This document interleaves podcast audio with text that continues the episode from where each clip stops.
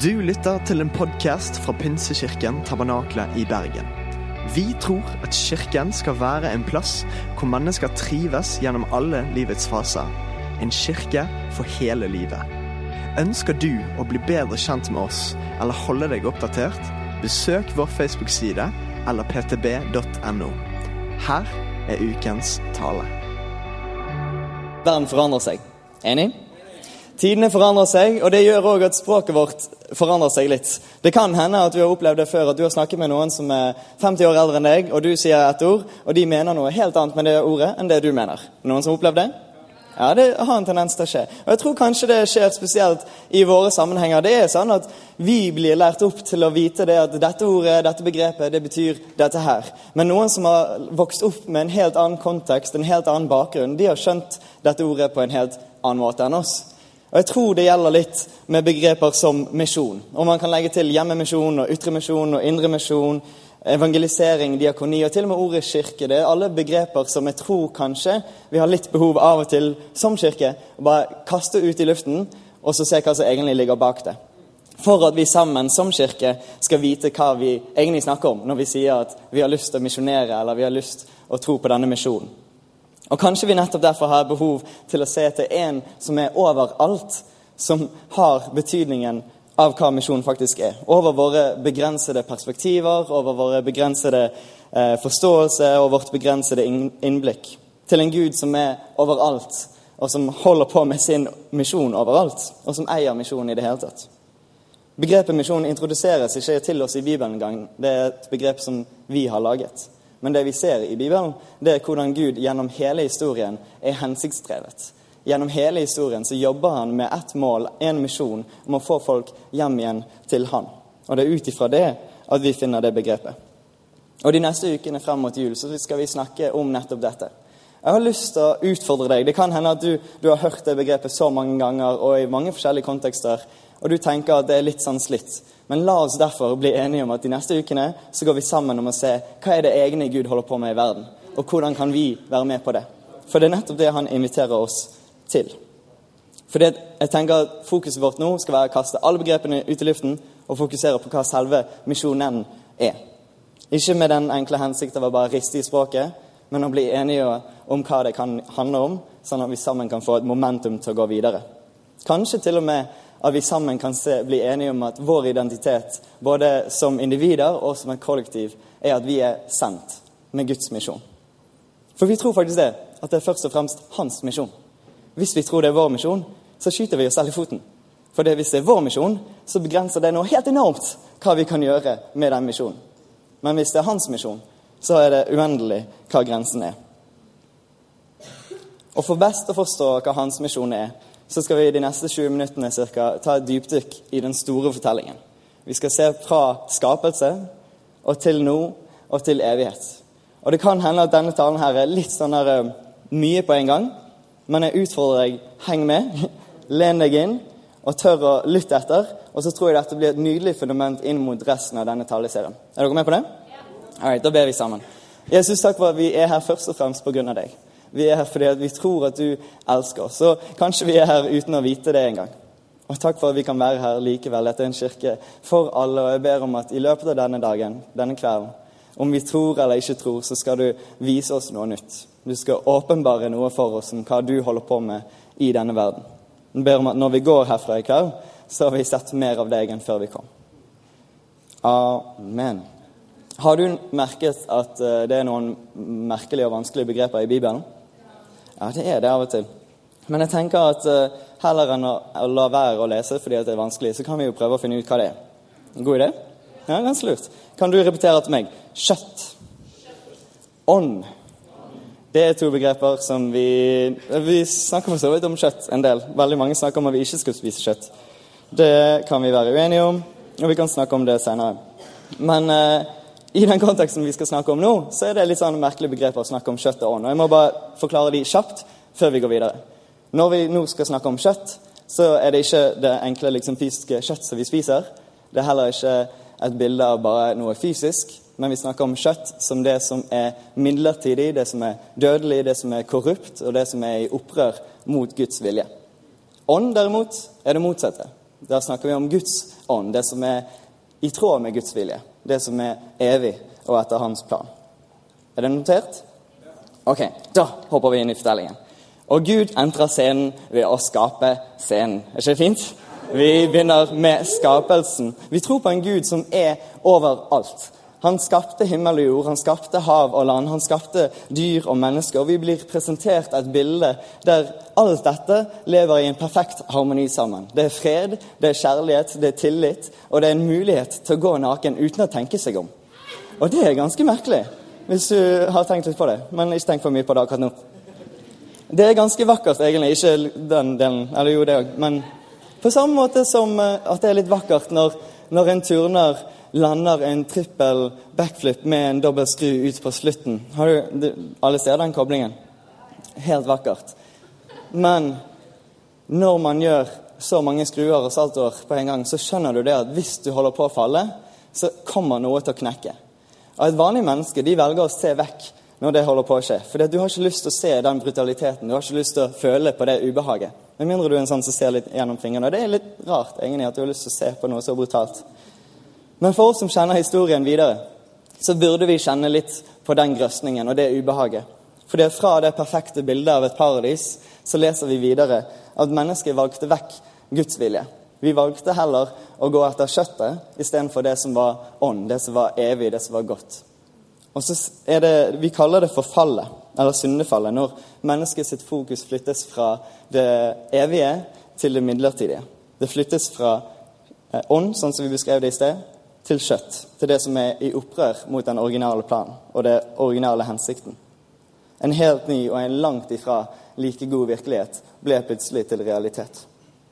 Og Videre i fortellingen så ser vi hvordan dette hadde konsekvenser for hele menneskeheten. Vi ser dynamikken mellom en gud som ikke lenger klarte å være blant sitt folk, fordi det var for, for tungt å skulle leve sammen med de som hadde valgt han vekk. Men idet vi blar om sidene fra urhistorien i kapittel 11 til kapittel 12 i den første boken i Bibelen, så leser vi hvordan Gud ikke gir opp på planen sin. Fordi at hensikten forble den samme. Misjonen hans forble den samme. At skapelsen og han skulle leve sammen i en evig kjærlig relasjon. Og Vi kan hoppe til første Mosebok 12,1, der det står Herren sa til Abraham, dra bort fra landet ditt og fra slekten din og fra farshuset ditt til det landet som jeg skal vise deg. Jeg vil gjøre deg til et stort folk. Jeg vil velsigne deg og gjøre navnet ditt stort, og du skal bli til velsignelse. Abraham, som senere ble kalt Abraham, han utfordres til å forlate alt han kjenner til. Han utfordres til å forlate sin historie, sin slekt og sin arv for å gå inn i en ny fortelling og en ny historie og en ny slekt og arv som Gud leder han inn i, og løftet om et nytt land. Abraham blir far til israelsfolket. Og den store fortellingen fortsetter med at Gud har valgt ut ett folk som han skal prøve å lede inn til å leve i den hensikt som han først skapte dem til å leve i. Han gir dem det vi kaller den jødiske loven. Og Det var en lov som var ment til å gi liv. Det var en lov som var ment til å vise sånn her mener jeg at det er godt for dere å leve. Jeg kjenner dere best. Dette er sånn som faktisk jeg tror er bra for dere. Men så er det sånn at det israelske folket de, de var fortsatt de levde fortsatt liv i kjøttet, og de klarte ikke å, leve etter den loven. Og da ble loven plutselig mot sin hensikt, og det ble heller til fordømmelse istedenfor til liv. Det som skulle gi liv, gjorde det motsatte. Men likevel så gir ikke Gud opp på sin misjon. Han gir ikke opp på å få folkene sine tilbake til han. Og han gir dem et løfte om at det skal komme en som skal oppfylle loven, og som skal vise veien tilbake til meg. Og Det er der vi blar inn til neste etappe i den store fortellingen. Når Gud sender sin egen sønn for å leve som en trofast israelitt som oppfylte loven. Han sendte sin sønn til å bli menneske og leve akkurat sånn som alle de andre gjorde, men et helt liv, sånn som livet var ment til å leves. Selv om Jesus ble menneske, så levde han fortsatt i tråd med loven. Men ikke på en måte der loven rådet over han, men på en måte der han oppfylte loven. Jesus levde sånn som Gud egentlig hadde tenkt at mennesker kunne leve. Og ved å gjøre det så fikk alle se igjen hva Guds rike var ment til å se ut som.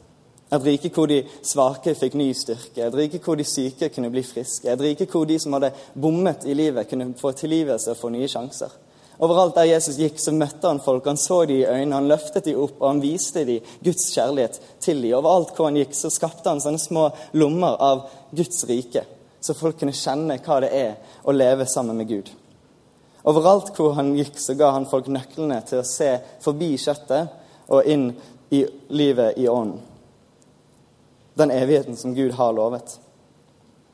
Og Han gjorde ikke det bare med en begrenset plan om å nå ut til de han rakk før han måtte forlate jorden, men han gjorde det med en større hensikt og en større plan, og det er det vi skal se videre til nå. For det han sa fra starten av, over 90 ganger leser vi evangeliene, så snakker Jesus om Guds rike er kommet, og Guds rike kommer.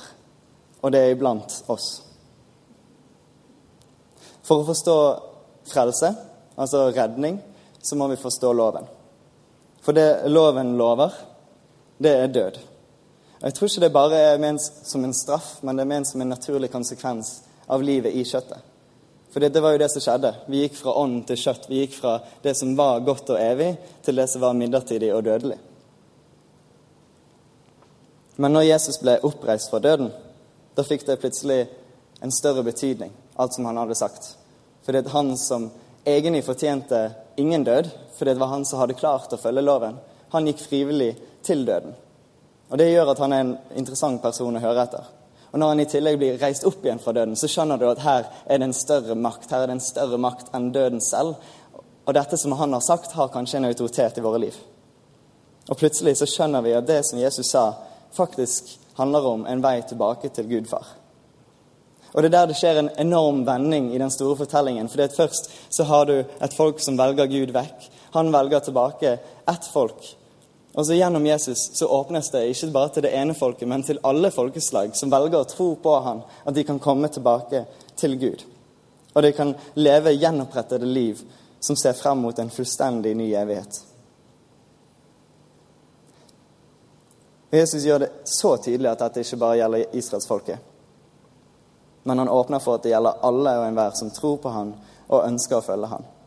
Det er en helt enorm vending i den store fortellingen.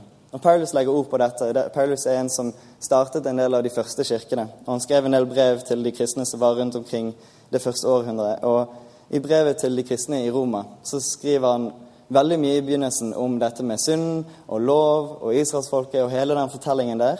Og Så kommer han til kapittel åtte, som blir et sånn vendepunkt og det er der vi skal hoppe inn nå. Og dette her er litt sånn tettpakket. Paulus har en tendens til å skrive vanskelig. Og det er veldig irriterende for oss, egentlig. Men vi skal lese det sammen, og så skal jeg prøve å kommentere litt underveis. Er dere klare for det? Henger vi med fortsatt? Går det bra med dere? Ja, ok. Da leser vi. Så er det da ingen fordømmelse for den som er i Kristus Jesus. For åndens liv, åndens lov, som gir liv, har i Kristus Jesus gjort deg fri fra syndens og dødens lov. Og Det er her vi kan si Halleluja. For det er dette som vi tror på. Det er dette som gjør at Ole Marius står her og sier 'jeg velger å følge han'. Og det som skjer i den eh, dåpskummen, det er at symbolsk så begraver vi kjøttet, og vi står opp igjen i det nye livet i ånden. Det er helt vakkert og helt nydelig. Og vi leser videre. Det som var umulig for loven, siden den sto maktesløs fordi vi er av kjøtt og blod, det gjorde Gud. Han sendte sin egen sønn som syndoffer, i samme slags kjøtt og blod som syndige mennesker har, og holdt dom over synden i oss. Altså Jesus tok på seg selv den naturlige konsekvensen av loven som den skulle hatt i våre liv død, sånn at vi kunne slippe. Slik ble lovens krav oppfylt i oss som ikke lever slik kjøttet vil, men slik ånden vil. De som lever slik kjøttet vil, er bare opptatt av det som hører mennesker til. Men de som lever slik ånden vil, er opptatt av det som hører ånden til. For det kjøttet vil, er død, men det ånden vil, er liv og fred. Derfor er det som kjøttet vil, fiendskap mot Gud, for det bøyer seg ikke under Guds lov og kan heller ikke gjøre det. De som kjøtt og blod har makten over, kan ikke være til glede for Gud. Ofte så har jeg stoppet opp her når jeg har lest, for jeg syns det er utrolig krast skrevet. Og Paulus har en tendens til å gjøre det når han skriver. Han legger det frem veldig sånn svart-hvitt, og jeg tror det er med en hensikt. Men det vi gjør, kanskje spesielt vår generasjon i dette landet, som evaluerer oss selv hele tiden, vi, vi begynner å bli usikre på vår egen tro når vi leser dette. For jeg vet jo at jeg har områder i mitt liv der kjøttet vinner ofte. Og jeg vet at jeg har episoder i mitt liv der kjøttet vinner, og da tenker jeg men kan ikke mitt liv være til glede for Gud?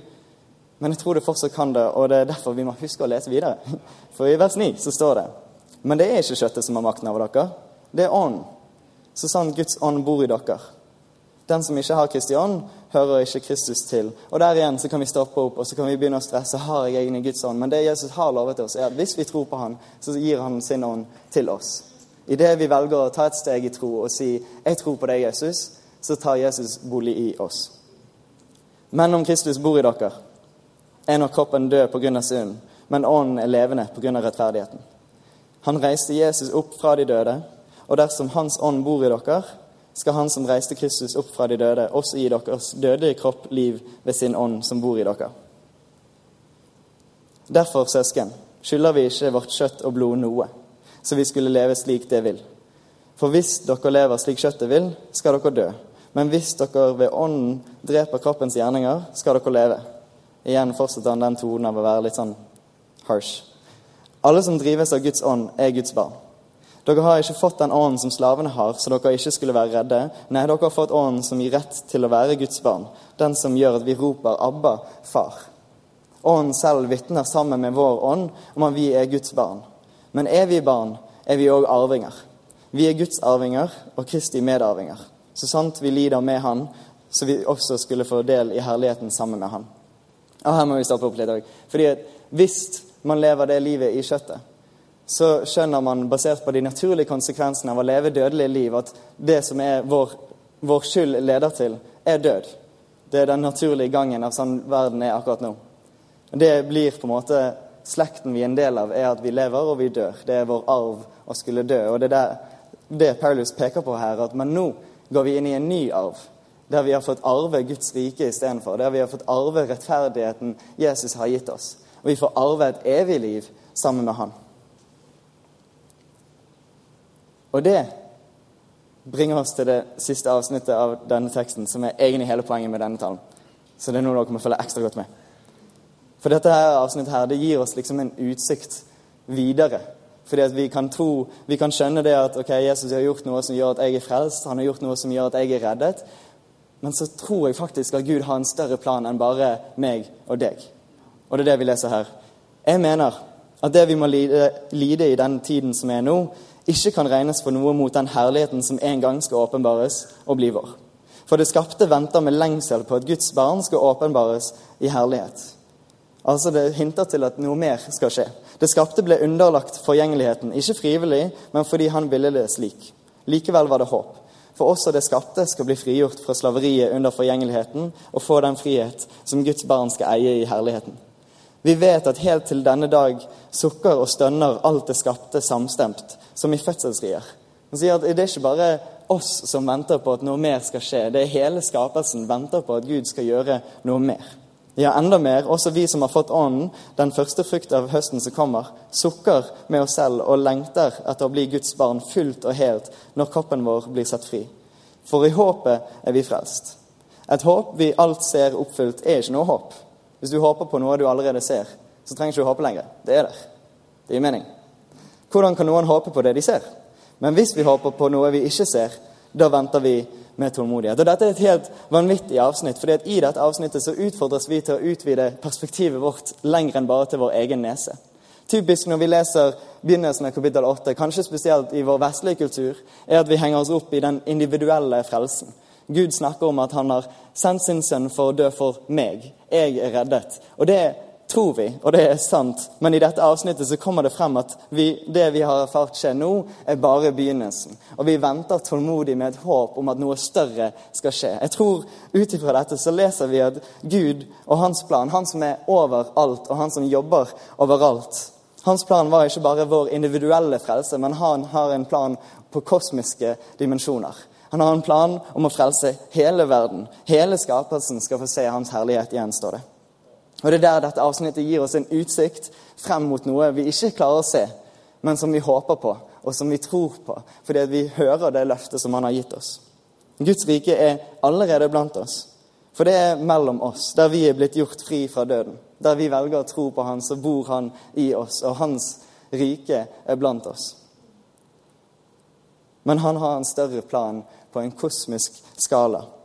Og vi inviteres til å ta del i den arven som han har gjort tilgjengelig for oss. Og leve i Guds herlighet allerede nå. Og Det var dette Jesus snakket om hele tiden når han snakket om at Guds rike kommer.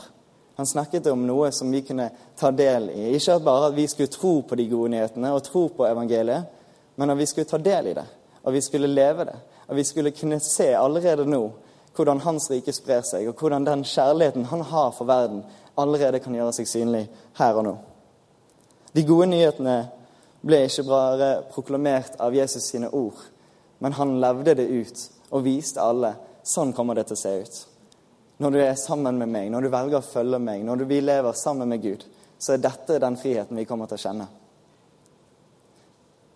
Og så ser vi noe spennende.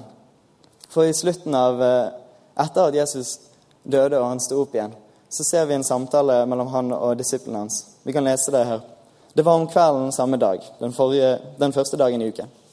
Av frykt for jødene hadde disiplene stengt dørene der de var samlet. Og Da kom Jesus, og han sto midt iblant de og sa, 'Fred være med dere.' Og Da han hadde sagt det, viste han de sine hender og sin side. Disiplene ble glade da de så Herren. Igjen sa Jesus til dem, 'Fred være med dere.' Som Far har sendt meg, så sender jeg dere.